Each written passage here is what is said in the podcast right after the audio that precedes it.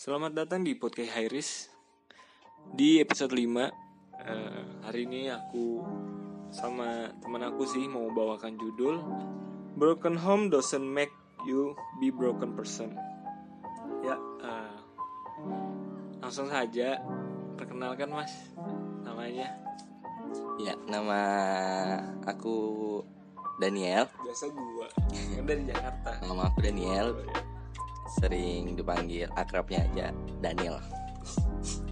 Apa bedanya ya? Bedanya apa ya? Daniel, Daniel enggak beda. Biasa kan yang satunya ya aku. Sialan sialan Orang udah, udah tahu itu sialan Sialan itu khusus buat teman-teman aja. Ya, eh jadi kenapa aku bawakan judul ini? Karena di zaman sekarang itu tingkat perceraian itu sangat tinggi, Pak. Tingkat apa? Tingkat perceraian, Ya, tingkat perceraian sangat tinggi. Ah, Benar-benar. ya kan? Dan juga pastinya eh, yang paling orang yang paling tertekan atau jatuh di dalam keluarga itu yang pasti yang aku percaya juga anaknya sih yang paling mentalnya paling jatuh kan. Karena memang mereka itu juga dari kecil memang nggak dari kecil sih. Kayak orang yang sudah remaja atau sudah dewasa juga butuh perhatian dari orang tua kayak gitu loh. Ya ini kita kedatangan talent ya talent, Iya, talent, talent. talent korban broken home. Jokes Ya, yang kayak Adit bilang tadi. nangis dong aduh baru mulai Nggak nangis, nggak nangis. getar gitu Tenang aja, cuy. ya yang kayak Adit bilang tadi tuh yang dia bilang yang berdampak besar itu ya sebenarnya sih salah satu anaknya pasti seorang anak dari eh, keluarga yang ber- paling berdampak dalam perceraian itu ya pastilah cuman mungkin kita bisa beralih ke perspektif orang tua yang memutuskan untuk bercerai gitu. Pasti sebenarnya mereka juga udah memikirkan matang-matang sebelum mereka memutuskan untuk bercerai gimana anak mereka nanti. Ya dari orang tua dari perspektif orang tua lah yang maksudnya perspektif pasangan yang memutuskan untuk bercerai itu tadi. Mungkin aja contoh nih masalah ekonomi itu paling banyak sih alasan orang eh, keluarga yang memutuskan untuk bercerai itu. Paling banyak pasti ekonomi. Pernah baca itu 70% Nah itu sekitar. Nah seperti yang kamu bilang tadi itu sekitar 70% itu karena ekonomi. Itu mungkin paling jarang itu Yang saya dengar itu karena mereka tidak bahagia. Karena saya. Aku aku atau saya sih? Enaknya mana sih? Aku atau saya? Aku aja ya? Enak kamu dewe lah. Ya pokoknya saya enak aja ya. Apalah kamu Jadi, berubah? ya, Maaf kalau random. Random. Ya kan kadang aku kadang saya. Ya dari dari itu tadi yang paling jarang aku dengar tuh yang Itu yang karena kurang bahagia. Dan pasti Gimana ya? Ya pasti mereka udah pikirkan ke anaknya gitu anaknya nanti gitu. Ya sih kayak dalam suatu cerita itu kita nggak bisa sih kayak meng, apa ya menghakimi dari sudut pandang kita aja. Iya dari sudut pandang Maksudnya dari sudut pandang anak Dan aku sendiri Ya aku udah ngejalanin itu gitu nah. Dan banyak yang bilang eh, Sudut pandang orang sekarang Itu yang bilang kalau eh, Broken home eh, Bapak Mama cerai gitu kan Itu udah pasti anaknya Babal Atau enggak anak kurus Iya anaknya nggak kurus ya, Dan mungkin Adit sendiri bisa ngeliat Aku sangat liar Iya. Ya, ya. Iya, enggak, enggak, enggak. Aku Enggak, aku maksudnya ya aku orangnya rapi. Maksudnya saya punya pekerjaan. Ya kan? Saya punya pekerjaan, saya bahagia. Dia Ya, saya bahagia untuk sekarang. Amin. Seterusnya bahagia. Ya, saya bahagia. Saya itu anak terakhir dari empat bersaudara. Anak terakhir dari empat bersaudara.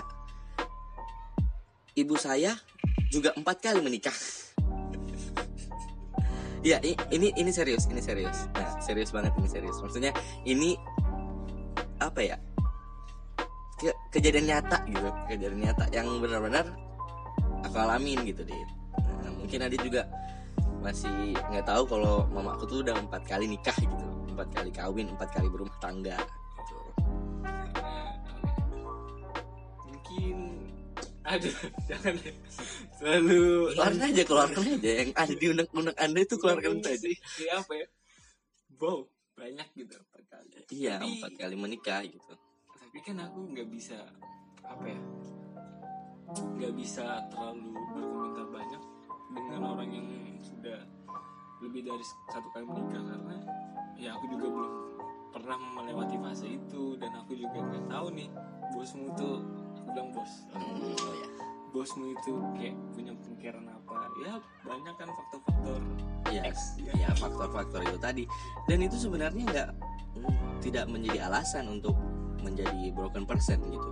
Maksudnya eh, tidak berpacu pada orang tua yang cerai. tapi aku mau nanya nih ini penasaran sih kayak pas orang tuamu empat kali nikah itu kalau apa ya ini kalau kan berarti ibarat ada kepala keluarga baru. Hmm, kayak jadi kayak budaya kayak budaya di rumah kami kayak budaya kerja kan ada yang kayak kalau bu- budaya kerja misalnya di satu tempat kayak oh, kalau di tempat ini kita harus sekali ini. lima Iya, iya, gitu gitu ngerti, kalau kalau tiap ganti tiap ganti sih apa sih bahasanya yang sopan Iya, ya, maksudnya ngerti ngerti ngerti. Saya ganti pasangan lah. Eh, nah setiap ganti pasangan tuh jadi ada nggak kebiasaan baru kayak gitu untuk ya aku jelasin dulu ya.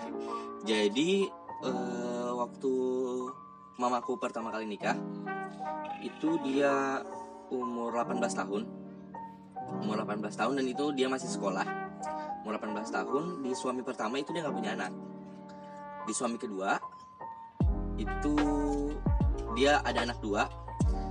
Yang pertama kakak aku yang pertama, terus kakak aku yang kedua laki-laki. Terus yang ketiga, suami ketiga itu ada kakak aku yang perempuan sama aku terakhir. Jadi aku nggak mengalami fase-fase di mana ada banyak perubahan gitu di setiap orang tua.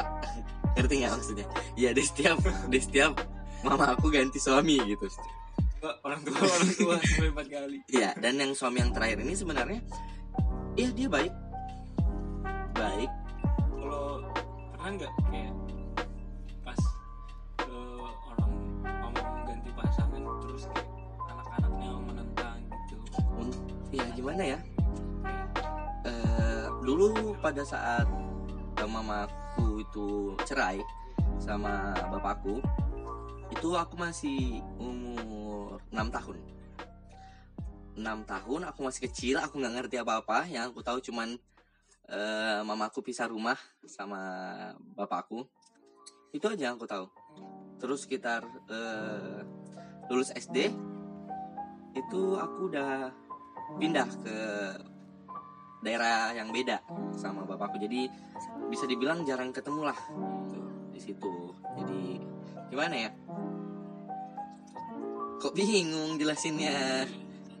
Eh ya. Dan getar. Eh gitar jadi ya ya jadi gitu. Gimana ya? Ya jadi intinya ini dengan kita dengan perspektif orang-orang yang bilang eh, orang tua yang bercerai itu pasti anaknya bakal nggak keurus nggak kerawat gitu kan. Bagian banyak orang seperti itu dit. Tapi itu sebenarnya itu bisa diubah gitu. Gimana cara ngubahnya? Itu sebenarnya yang pertama itu mindset kita. Karena jujur aku waktu aku aku lebih besar aku besar itu bisa dibilang tanpa figur seorang bapak gitu Dit. karena ada selang waktu antara suami ketiga bapakku sama suami keempat ini. Hmm. gitu. Dan di suami keempat ini itu dia nikah cuman pisah. Maksudnya jaraknya ada LDRan lah Hmm. intinya. Jadi saya menghabiskan jadi aku nih menghabiskan waktu lebih banyak sama mama kakakku yang perempuan gitu gitu terus kayak apa ya? Ke mindset tadi kan? Gimana caranya kita ubah mindset kita gitu? Hmm? dari bisa juga kan kayak kan kalau menurutku ya kamu kan masih ya ya bisa dibilang tuh mending ya Hmm. karena eh, lebih banyak juga anak-anak tuh yang kayak udah orang tuanya bisa tuh udah dia tuh kayak terlantar gitu nah.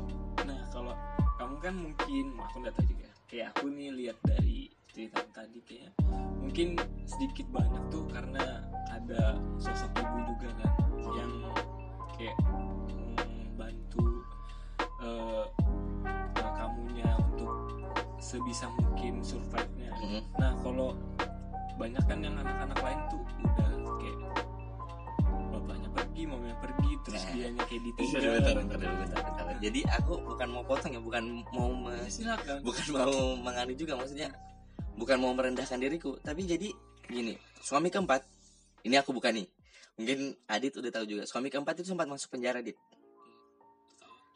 Kamu nggak tahu ya? Belum pernah cerita ya? Jadi temanan sama Adit ini udah tujuh tahun guys. Tapi belum pernah cerita soal ini guys. Jadi nah, bapak aku yang keempat itu dia sempat masuk penjara. Itu karena salah satu kasus yang sering menimpa lelaki. Ya itu dan di situ gimana ya?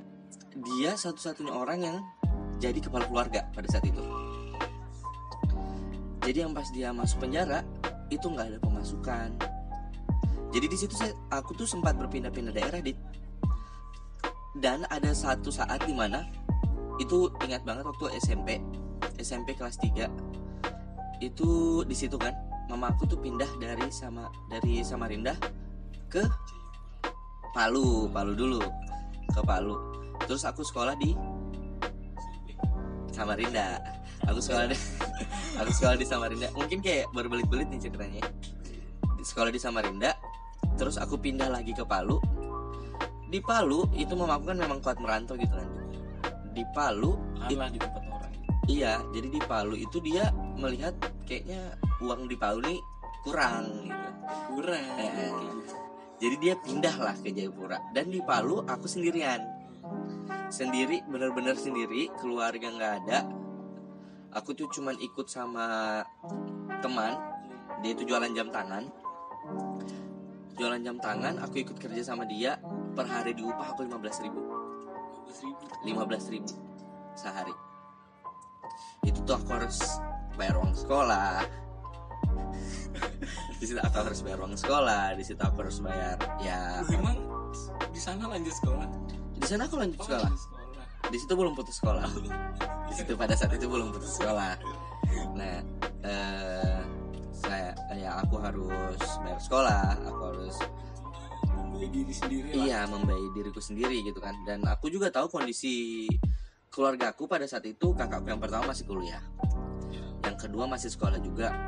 Yang ketiga, maksudnya ya kita pisah nih.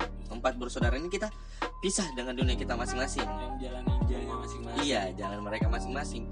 Dan aku nggak pernah berpikir aku orang yang tidak terurus enggak. Karena mans- mindset orang-orang maksudnya aku nggak bisa ngejat juga maksudnya semua orang harus seperti aku, semua orang bisa seperti aku. Tapi sebenarnya kalau aku bisa kenapa kalian enggak gitu?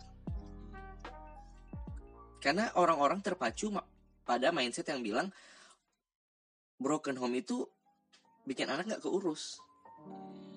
Jadi kita kayak memberikan mindset kita tuh ah aku nggak keurus nih gini-gini. Jadi kita nggak ngurusnya diri kita sendiri gitu. tapi memang sih kayak eh, banyak kulihat fenomena fenomena yang ada di yang terjadi lah kayak anjing aku lupa lagi bang kayak aku tuh dia iya anjing ya lanjutkan dulu Iya, jadi jadi gitu. Kayak mindset kita tuh kayak terpaku sama itu dit. oh iya iya nah kalau aku tuh kayak sering lihat juga kayak orang-orang yang kuat ngejalani broken eh, anak-anak yang kuat ngejalani broken home itu kayak dia lebih tangguh loh daripada anak-anak lainnya menurutku sih Kalau itu sih gimana ya? Udah pasti Ya bukan udah pasti juga maksudnya orang yang nilai. Kalau aku sendiri kan aku nilainya ya aku jalanin hidupku kayak gini aja gitu. Nah, yang pasti kan sudah intinya yang paling basic lah dilihat dari luar udah ya nggak maksudnya keluarga yang nggak lengkap tapi bisa ngejalani hidup kayak anak-anak yang lainnya gitu. Nah makanya gue bilang kayak lebih tangguh gitu. Lebih tangguh ya? Dia lebih tangguh. Iya lebih tahan banting gitu ya kamu kan tangguh badannya Iya. tangguh kan ini nggak dianu nggak coba tuh aku ngelempar. Ini Ngelempar jokes gitu. iya kayak kamu tuh. Kok kok? Karena sebenarnya aku nggak ngerti Eh, kayak gitu. Oh, iya, iya. Oh, iya, dari siap. tawa.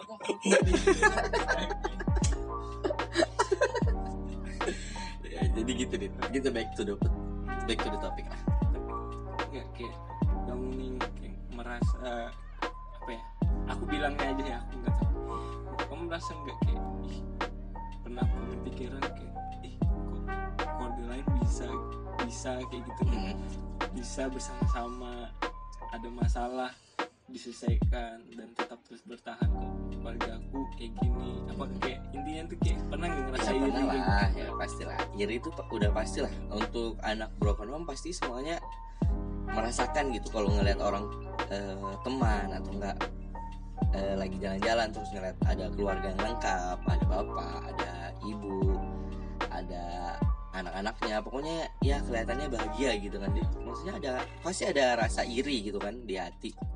Naruto penonton iya iya. Dan sebenarnya iya kita iya aku maksudnya aku nggak ngomongin kita ya. Aku juga ngerasa iri gitu. Sampai sekarang pun aku masih ngerasa iri mas. Kadang ngerasa sedih gitu kan kalau ngeliat orang eh, ya, sama bapaknya sama lengkap lah intinya lengkap lah intinya kan mereka ya pasti sedih lah Dit. pasti ada rasa iri juga gitu. tapi bagaimana kayak kamu tuh kayak em, kayak mengalihkan pikiran gitu lah kayak ya nggak kan kamu bilang tadi nggak nggak sekali dua kali dan sering loh. Mm-mm. terus kayak apa kamu kayak cara ngatasinnya supaya nggak terlalu berlarut di pikiran seperti itu? Ya jadi maksudnya aku nggak mau kayak terlalu memikirkan itu dit. Maksudnya ya sekedar gitu aja. Mungkin karena aku udah sekarang aku udah umur 23 tahun udah termasuk eh 23 kan 22 22 tahun. Jadi aku ngerasa ya ya nggak sih? Udah percaya iya anjir. Jadi kayak ya udahlah. gitu maksudnya di ya nggak usah dibawa terlalu dalam lah yang kayak gitu itu tuh jelas aja ya? Iya untuk sekilas. Hmm, gitu. Nah, terus kayak eh Uya kayak misalnya eh, anak-anak yang kayak kamu nih yang broken home itu perlu nggak? Kayak kalau di lingkungan pertemanan atau apa pekerjaan gitu perlu nggak kayak diperlakukan khusus gitu nah?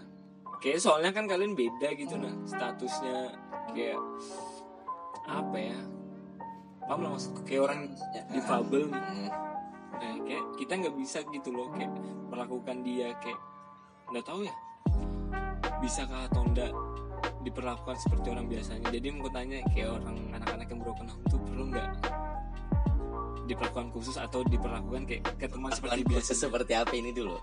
Enggak maksudnya tuh kayak eh kalau ngomong tentang keluarga tuh kayak ih jangan cuy ngomong dengan keluarga depan dia gitu-gitu. Nah karena maksud untuk aku personal sih dit maksudnya aku lebih biasa aja sih. Tapi lebih nggak usah nggak nggak usah di perlakukan khusus seperti itu enggak maksudnya ya ya cu karena mungkin untuk teman-teman aku sendiri udah tahu gitu kan maksudnya I'm born to be a broken person eh, broken home gitu kan ya maksudnya nggak usah nggak perlu ada perlakuan khusus kalau menurut aku Hmm. balik lagi ke aku kalau aku sendiri ya nggak perlu diperlakukan khusus lah Tipe orang beda-beda. Iya, setiap orang beda-beda. Kita balik lagi ke personal orang Iya. masing-masing.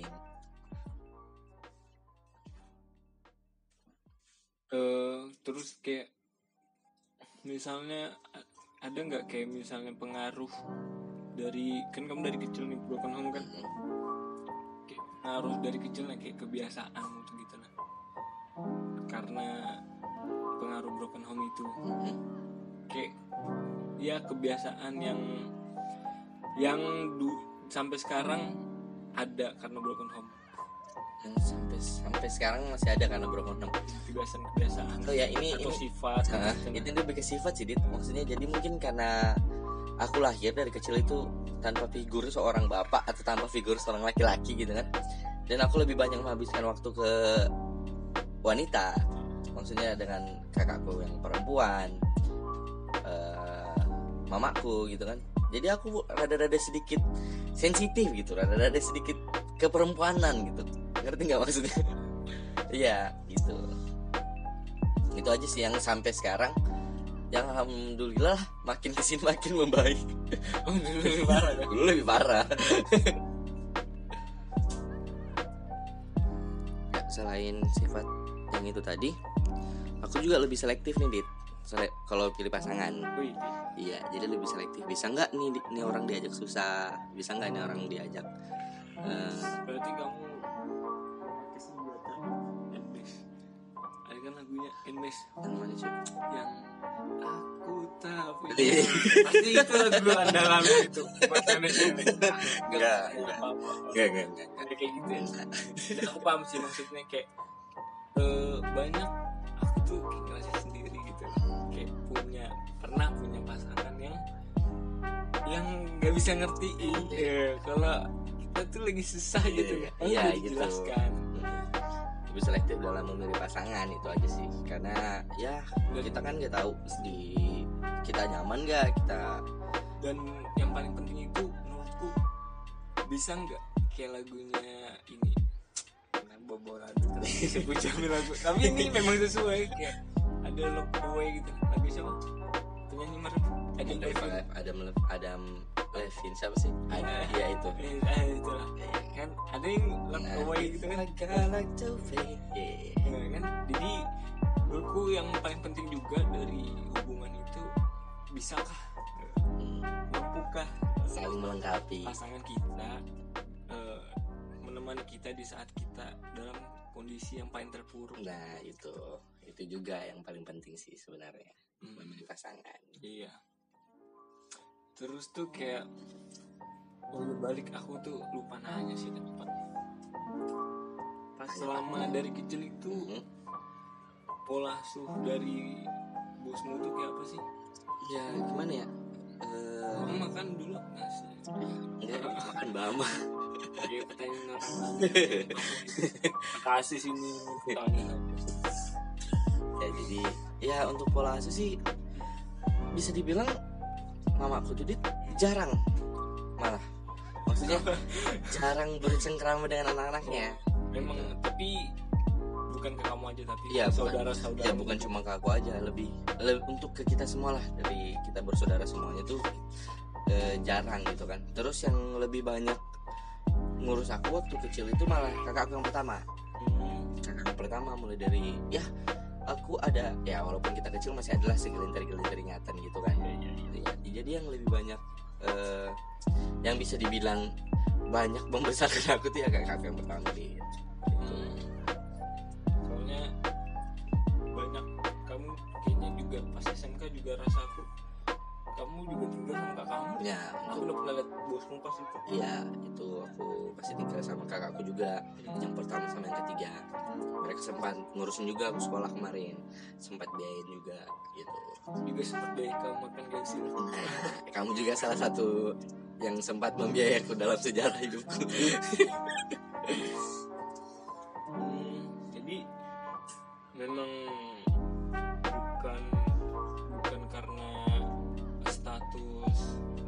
parent tapi memang berarti memang karena orangnya memang tidak terlalu berke- bercengkrama dengan anaknya gitu ya. Mm-mm. Ya, karena itu salah satu faktornya itu juga sih Dit. Maksudnya ya mama aku pada saat itu sempat janda juga lama kan. pasti juga kayak lebih fokus nyari uang juga kan. Lebih fokus nyari uang dan mamaku tipe orang yang tegas ya itu tadi mamaku tipe orang yang tegas keras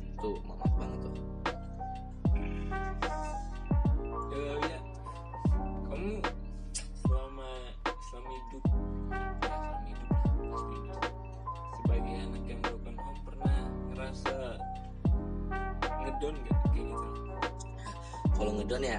Dulu dulu ya. Dulu tuh sering banget itu ngedown. SMK pernah? SMK ya pernah lah maksudnya ya apalagi yang pas SMK itu sering banget tuh di masa-masa kita puber tuh kan. Iya iya iya. Itu pasti sering banget tuh ngedown tuh pasti sering banget. Hmm. jadi ya almost every night. Aku tuh ngedown gitu kan kayak mikir ih kenapa sih hidupku kayak gini? Gitu kan. Dan dulu waktu SMA aku jarang bawa uang saku dit. Dan kamu juga tahu itu pasti aku jarang bawa uang saku Eh, terus rasa nah itulah kita butuh support system di SMA itu kita bisa menyaring gitu teman yang bisa maksudnya bukan teman yang bisa neraktir kita bukan enggak gitu Aku nggak dibilang seperti itu. Nah, aku juga takut kamu ngerasa seperti itu dit ya kita butuh Mungkin mungkin lebih tepatnya menyaring men- menyaring pacar ya. membiak Tahu orang.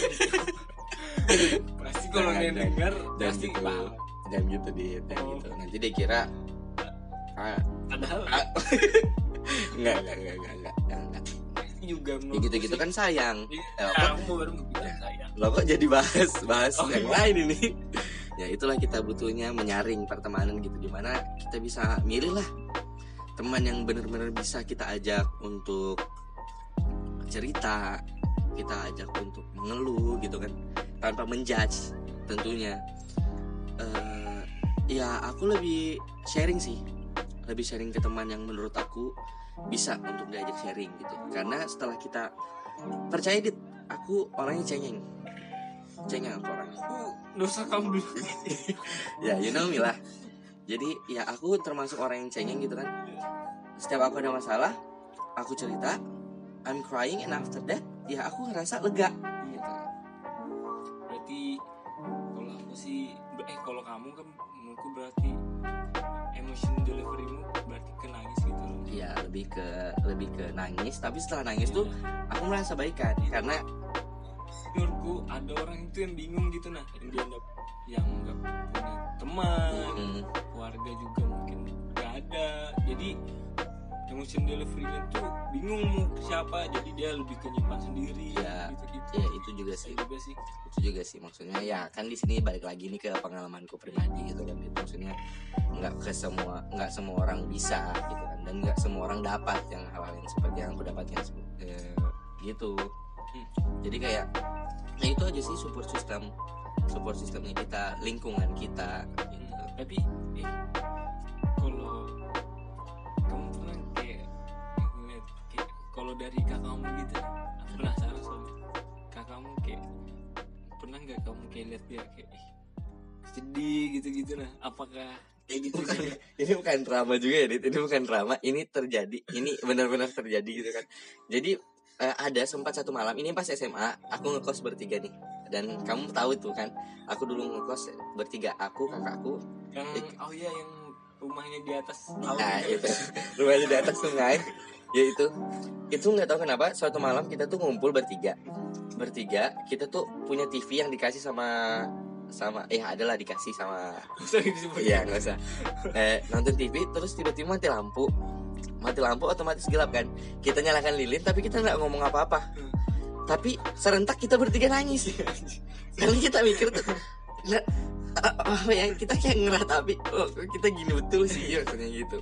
Ya kita gini betul. Tapi maksudnya dengan itu semua kita lebih kayak lebih memper mempererat ikatan ikatan persaudaraan gitu. Dit. Nah, nah terus misalnya kayak udah udah gitu loh cara nyendelnya kamu tuh gimana sih atasi ya yang kayak gitu tadi maksudnya ya aku cerita aku sharing ke teman-teman yang aku bisa percaya maksudnya yang will keep it secret gitu kan. Maksudnya apalagi ini permasalahan keluarga. Dan kita tahu untuk permasalahan keluarga itu pasti sensitif gitu kan. Ya alhamdulillah itu aku di dikasih sama Tuhan tuh orang-orang bisa aku percaya gitu nanti di setiap tempat di setiap daerah yang aku datangi itu pasti. Ya pasti aku dikelilingi dengan orang-orang yang bisa aku percaya gitu Dit. Dan aku bersyukur akan itu. Saya sebutkan salah satu orang itu. Salah satunya ya ya kita nggak usah sebutkan aja guys yang punya podcast Hairis ya itu yang ke nama. Eh, itulah yang bisa yang ya bisa salah satu cara lah sharing. Terus kalau nggak ada nggak ada kamu lagi ada masalah terus nggak kebetulan juga kamu nggak punya temanmu nggak ada kesempatan untuk dengar ceritamu kayak apa. Biasanya aku denger lagu sih denger lagu and na- eh, cari tempat yang sepi dan aku nangis nangis nangisnya nonton bokep. Sangat-sangat. itu aku tapi aku serius pertanyaan konyol lagi serius gue pernah gak kamu nonton bokep sering menghilangkan kesedihan. Sumpah aku Are you fucking serious? serius ini cuy penasaran aja Are you fucking dumb or something? Of course not. Kenapa kita? Kenapa kita harus nonton bokep kita kita sedih? aku nggak tahu siapa tahu itu kayak it's work Ya aku nggak tahu ya. Maksudnya orang bodoh mana gitu yang ketika sedih dia nonton bokep dan dia bahagia gitu. Dit. nggak bahagia cuma kayak mengalihkan gitu Gitu. Enggak sih, enggak. Enggak. Enggak dengan cara nonton bokep juga. Fuck you. oh gitu kan aduh sudah dilanjutkan. Aduh sudah dilanjutkan anjing. Ya aku dengar ya itu sih aku dengar lagu. Lascar, lascar. bukan sih dulu aku Because of You Kelly Clarkson. Ya itu aku nggak bisa dengar lagu itu sih. Dia anaknya tuh lagunya tuh beda gitu nah. Kayak anak-anak lainnya. Pasti orang-orang pernah dengar lah lagunya Because of You na. tapi itu kapan? Masih eh, SMP SMA aku sangat asing dengan lagu-lagu itu. Tau ya kangen band gitu-gitu. Seriously? Iya iya iya. pak itu dengar lagu nangis cari tempat sepi teriak ya gitu gitulah dan nggak berpikir untuk melakukan kayak nggak pikir nggak belum bukan sih belum bukan belum sih tapi memang nggak pernah kepikiran dengan eh, yang menyimpang gitu Dit. maksudnya mau Narkoba, narkoba. narkoba kayak gitu. Ya enggak sih. Maksudnya makanya itu kita perlu lingkungan yang mendukung gitu. Dit. lem-lem alhamdulillah. Dit nggak pernah. Ha- hal ternakal yang pernah aku lakukan itu cuma satu ngerokok. Dan aku menyesal sekarang iya. Perbuatanmu sekarang tidak seperti orang yang menyesal. Ya aku menyesal pernah coba rokok dan Oh, sampai gitu. sekarang I can't stop. Oh. itu yang bikin aku nyesal gitu. Dit kirain ya ada kira ada niat berhenti gitu. Dit adalah pasti gila. Oh niat ada. Niat ada cuman belum terrealisasikan itu aja niatnya. Oh, tapi aku penasaran nih. Misal nih kayak penasaran kita karena sebagai cowok otomatis pasangan kita mau kita selalu healthy gitu gitu kan. Ini mungkin di luar topik sih tapi aku mau nanyakan misalnya kamu sudah punya pasangan Mhm. kayak kan itu sudah kayak uh, soulmate lah. Hmm. ini kayak ini orangnya biar mati. Tapi kebiasaan yang gak bisa kamu yang kebiasaanmu ini kayak ngerokok ya. Kebiasaan buruk kan tapi nggak bisa juga diberhentikan. M- mungkin bisa tapi agak nggak mustahil sulit lah. Terus kalau dia tiba-tiba langsung minta mau berhenti ngerokok nah ini nih ini aku penasaran cuy Maksudnya, orang yang ya, ya, ya, aku se kayak aduh nih memberi motivasi. Bukan motivator Iya. cara ngomong motivator nih orang menurut aku nih orang yang mencintai kita itu tidak meminta tapi merubah eh, tidak merubah tapi menerima. Ngerti nggak maksudnya? Iya. Orang yang benar-benar mencintai kita itu tidak merubah tapi menerima. Tapi itu kan buat ini kesehatan. Kalau kalau kamu berpikiran seperti itu maksudnya kayak ya bisa aja. Kayak, kayak orang-orang benar saya maksudnya kayak kan kalau ngerokok kan ya otomatis ya secara kesehatan juga merusak gitu loh Hmm. Iya kalau dia mikir "Ih, nantinya nanti si Daniel meninggal duluan gitu nah ya ada saat nah. juga pasti di mana kita kayak ya di saat kita udah serius dengan pasangan kita di tanpa perlu disuruh kita mencintai pasangan kita kita nggak mau pasangan kita terpapar Oh, iya, iya. Berarti- kita berarti intinya kembali lagi kayak kita masing-masing. Enggak maksud iya maksudnya tuh kayak hmm, paham lah bisa. Aku tuh eh, kayak menurutku ya pribadi seorang nih ibadah. Tapi ibadah disuruh pasangan atau teman gitu gitu nah paham gak maksudku? Iya paham paham, Men, paham. ya mending tuh karena diri sendiri nah. Karena niat kita sendiri Iya, gitu. pasti jalannya juga lebih mudah. Ya kan percuma juga kalau eh, contohnya kayak kayak kamu tanya tadi. Kalau pasangan aku nyuruh aku merokok terus aku merokok sama dia eh, merokok di belakang dia diam-diam. Kan sama aja bohong. Mm-mm. di depannya aku berhenti tapi di belakangnya aku ngerokok juga. Makanya pasangan itu kalau memang dia cinta sama kita dia tuh menerima bukan merubah karena nanti adalah fasenya lo ada fase di mana kita memutuskan untuk merubah karena dia. Karena diri kita sendiri. Enggak. karena kesadaran kita sendiri. Oh iya. Iya kan? Kita sadar nih ih aku sayang nih sama nih orang. Aku nggak mau lah dia jadi contoh orang ngerokok nih. Aku nggak mau dia jadi perokok pasif. Atau jadi janda muda. Eh, gitu ya. Oh, dia jadi janda muda. Ya aku berhenti ngerokok nih. Jadi tuh gitu soalnya tuh oh iya. Back to the topic nih kayak kamu kayak sekarang melihat status status. Merek itu kayak apa sih? Iya. kan? Apakah merubah? Cepet. Kan banyak juga aku banyak sih dengar sih kayak dari orang-orang broken gitu. Hmm. eh aku nggak mau anu deh Mau nikah. gitu gitu mau nikah mau jalan hubungan yang serius gitu gitu kan.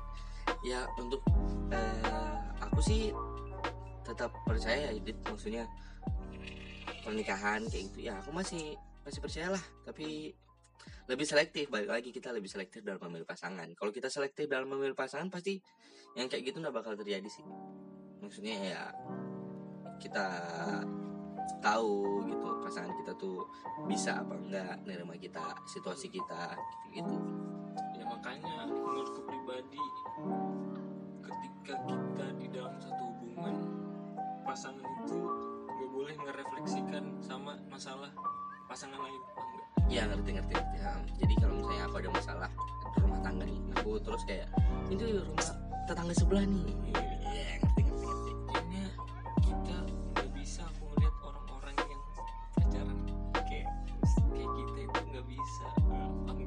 ini lagi Iya, iya, iya, aku iya, ini lagi masang Iya ya ngerti ngerti ngerti. Iya iya tapi nggak usah lah dilanjutkan. Ngerti ngerti. Nanti kita bahas soal cinta di podcast yang lain aja nih.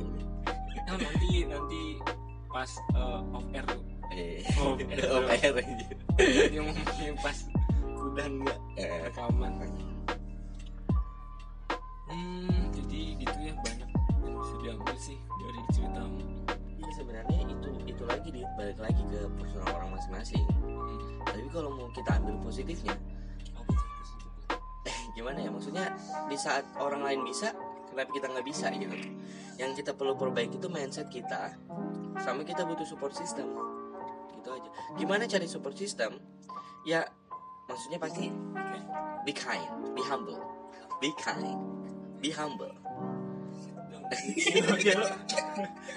ya yang kayak gitu-gitu tadi lah dit. Maksudnya ya paling utama sih mindset sih. Tapi biasanya orang-orang Indonesia terpaku sama mindset orang-orang yang dulu. Kayak misalnya ya orang broken home ya pasti nggak kurus pasti hidupnya kacau gini gini gini gini. Ya tergantung kita sendiri lagi sih. Maksudnya ya I'm broken home tapi I'm not a broken person. Dan kalian harusnya buat orang-orang yang broken home yang mungkin dengarkan ini gitu kan. Maksudnya kak mau Iya, mungkin orang-orang yang broken home pada saat ini yang ya aku cuma mau kasih tahu ke kalian semua maksudnya ayo patahkan yang kayak gitu. Maksudnya Ah, patahkan stigma yang gitu iya stigma yang seperti itu ayo tunjukkan dong sama orang-orang kalau orang broken home tuh enggak bisa juga menjadi manusia yang apa ya? Maksud- maksudnya bisa juga seperti orang lain maksudnya banyak orang yang bro yang nggak broken home yang orang tuanya lengkap hidupnya berkecukupan tapi dia nggak bahagia sama situasi keluarganya itu ada banyak dan itu terjadi di depan mataku sendiri deh jadi apa yang mau kamu bilang? Ya itu sih maksudnya ayo kita mau meng- mengajak nih ayo ayo berdonasi. Nggak maksudnya ya tunjukkanlah ke orang-orang pastilah ada beberapa orang yang anggap kita rendah ada beberapa orang yang anggap kita nggak berguna gitu gitulah. Ya lemah lemah. lemah. Tunjukkan aja kalau kalian tuh kuat. Orang broken home tuh kuat. Eh, ya itu sih. Kok aku jadi sedih gitu ya. Ya, mm. nih eh, ini kan kamu dari kecil kan bisa dibilang udah diasuh sama mamamu sendiri kan maksudnya. Dalam kata kutip single parent mamamu ngasuhnya sendiri mencari uang sendiri. Lo nih Hmm. mamamu nantinya dengar podcast ini apa yang kamu pengen bilang ke beliau Fuck you dude, fuck you dude, lo sebenarnya ih fuck you dude, fuck you dude. No no no no no no no no kenapa cuy I'm not gonna cry oh my god that's stupid dude no no no no astaga no no dude no come on dude I'm not gonna cry ini astaga don't push me inilah saatnya harus merubah. I want to be about no dude.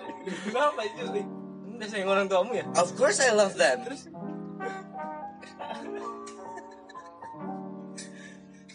I tell I tell you right I, I'm emotional person. Aku orangnya gampang nangis. Dan ya ya ya.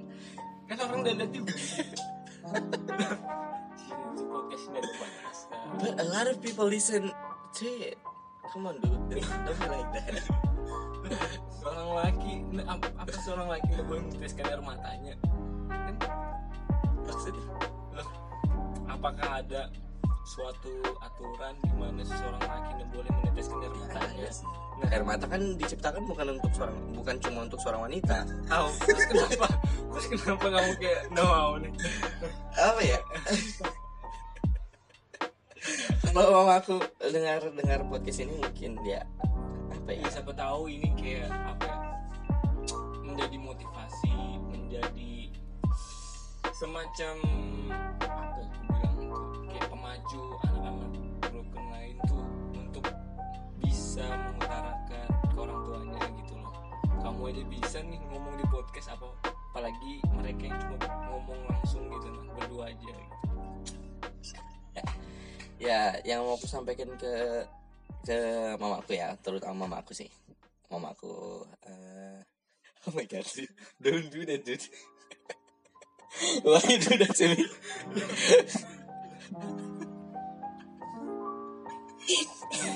ntar kalau lagu bunda ya ya ya Eh, nah, nah, nah, nah. serius serius serius ya, ya. serat anjir ya yang mau aku bilang ke mama aku sih ya makasih banyak sih maksudnya. Makasih udah melahirkan aku sudah memperjuangkan aku kayak gitu.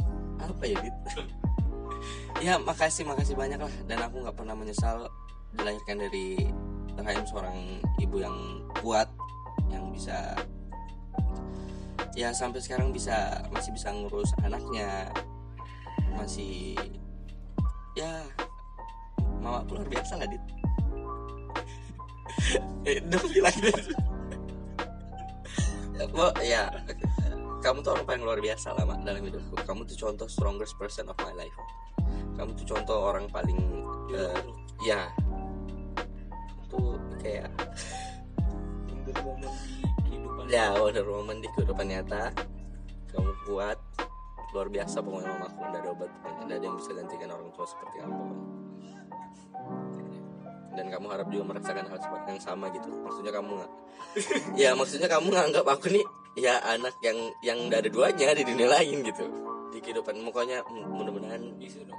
Mamaku selalu bahagia lah di sehat terus. Nggak bisa dong kamu merasa harus apa tadi kamu bilang? Dua apa sih dua dua tadi maksudnya aku anak yang tidak ada duanya kamu anaknya ada empat iya maksudnya ya aku nggak bisa dong berarti kan nanti dikira orang tua pilih-pilih Eh, kayak gitu Iya, iya. Mbak Ana. maksudnya anak-anaknya semua itu anak-anak yang tidak ada duanya. Eh, Nah, aku memperbaiki kata-kata aku nih maaf ya. Ya pokoknya ya di rumah ya makasih aja sih buat mama aku. Thank you so much mom I love you so much. Mungkin sekian dari podcast di episode 5 pada kali nah ini. sebelum kamu nutup nih Dit, aku Iya. juga mau sampaikan dulu buat orang-orang yang mungkin memikirkan untuk bercerai bukan Eh, hmm, maksudnya you have to think about a lot of things. Jadi jadi kamu tuh kayak harus mikir gimana sih ke depannya gimana kehidupan apalagi untuk orang tua yang udah mempunyai anak dan memutuskan untuk bercerai dit kamu harus mikirkan matang-matang lah tentang keputusan yang mau kamu ambil berikutnya gitu dit. Maksudnya apakah kehidupan anakku akan terjamin? Apakah kebahagiaannya terjamin? Apakah ya ada orang eh, orang tua tuh harus memikirkan biasanya orang tua nih Dit, apalagi mama aku sendiri tuh lebih memikirkan yang penting anaknya dulu. Dan kebanyakan orang tua pasti memikirkan hal itu. Gitu? Mm-mm. banyak kebanyakan bukan sepenuhnya? Iya kebanyakan bukan sepenuhnya ya akan hal itu maksudnya ya pikirkanlah dulu. Pikirkan anakmu pikirkan matang-matang keputusan yang sudah kamu ambil. Eh, apakah pasti berpengaruh gitu untuk anakmu nanti berpengaruh untuk kehidupanmu nanti.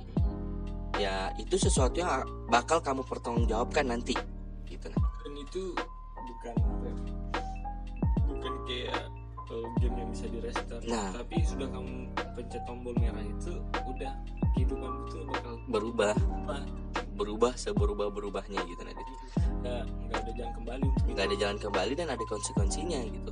Kamu harus mikirkan itu semua. Kalian tuh harus memikirkan itu semua bukan kamu ya. Kalau kamu berat satu orang aja. Dan juga jangan memikirkan eh gini ya aku gini ya aku tuh punya punya apa ya mindset uh, pemikiran di mana misal nih kayak aku dalam misal dalam suatu hubungan uh, gebet mungkin aku lagi ngegebet seorang wanita gitu loh.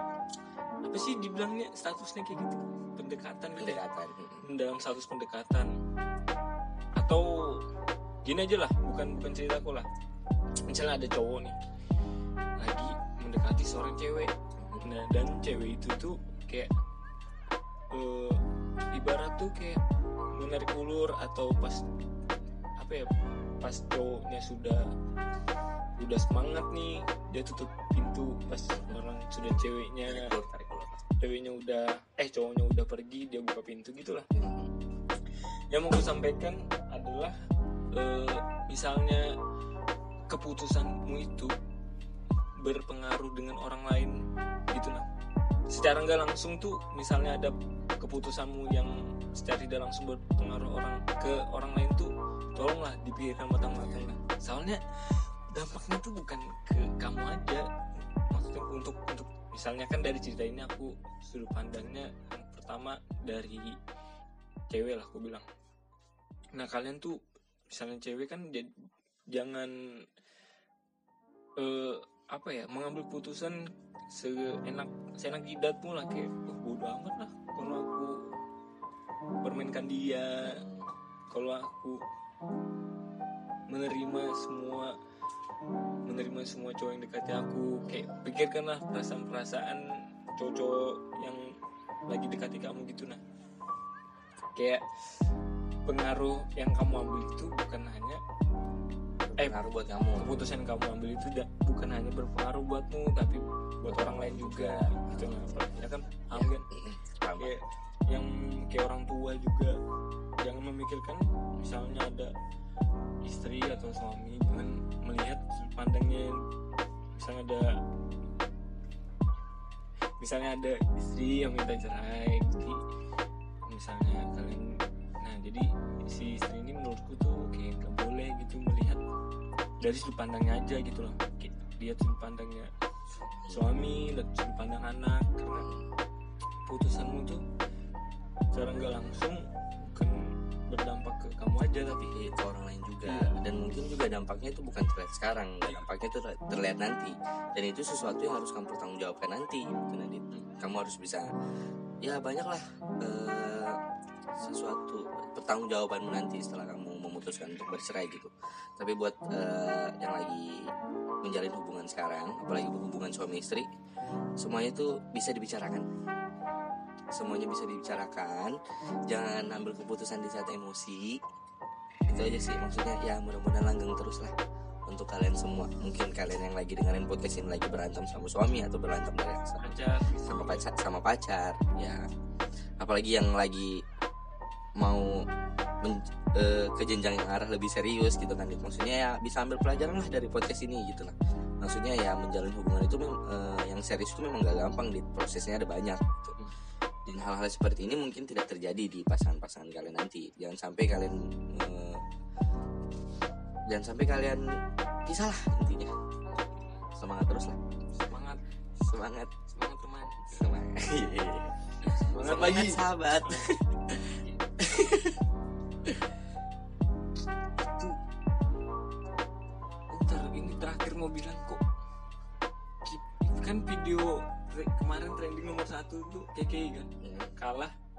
Yang apa ya? Bukan kalah. Dia di atas Blackpink duet sama Lady Gaga. Lady Gaga. Masa K-popers eh apa sih? K-popers K-popers masa kalah sama K-popers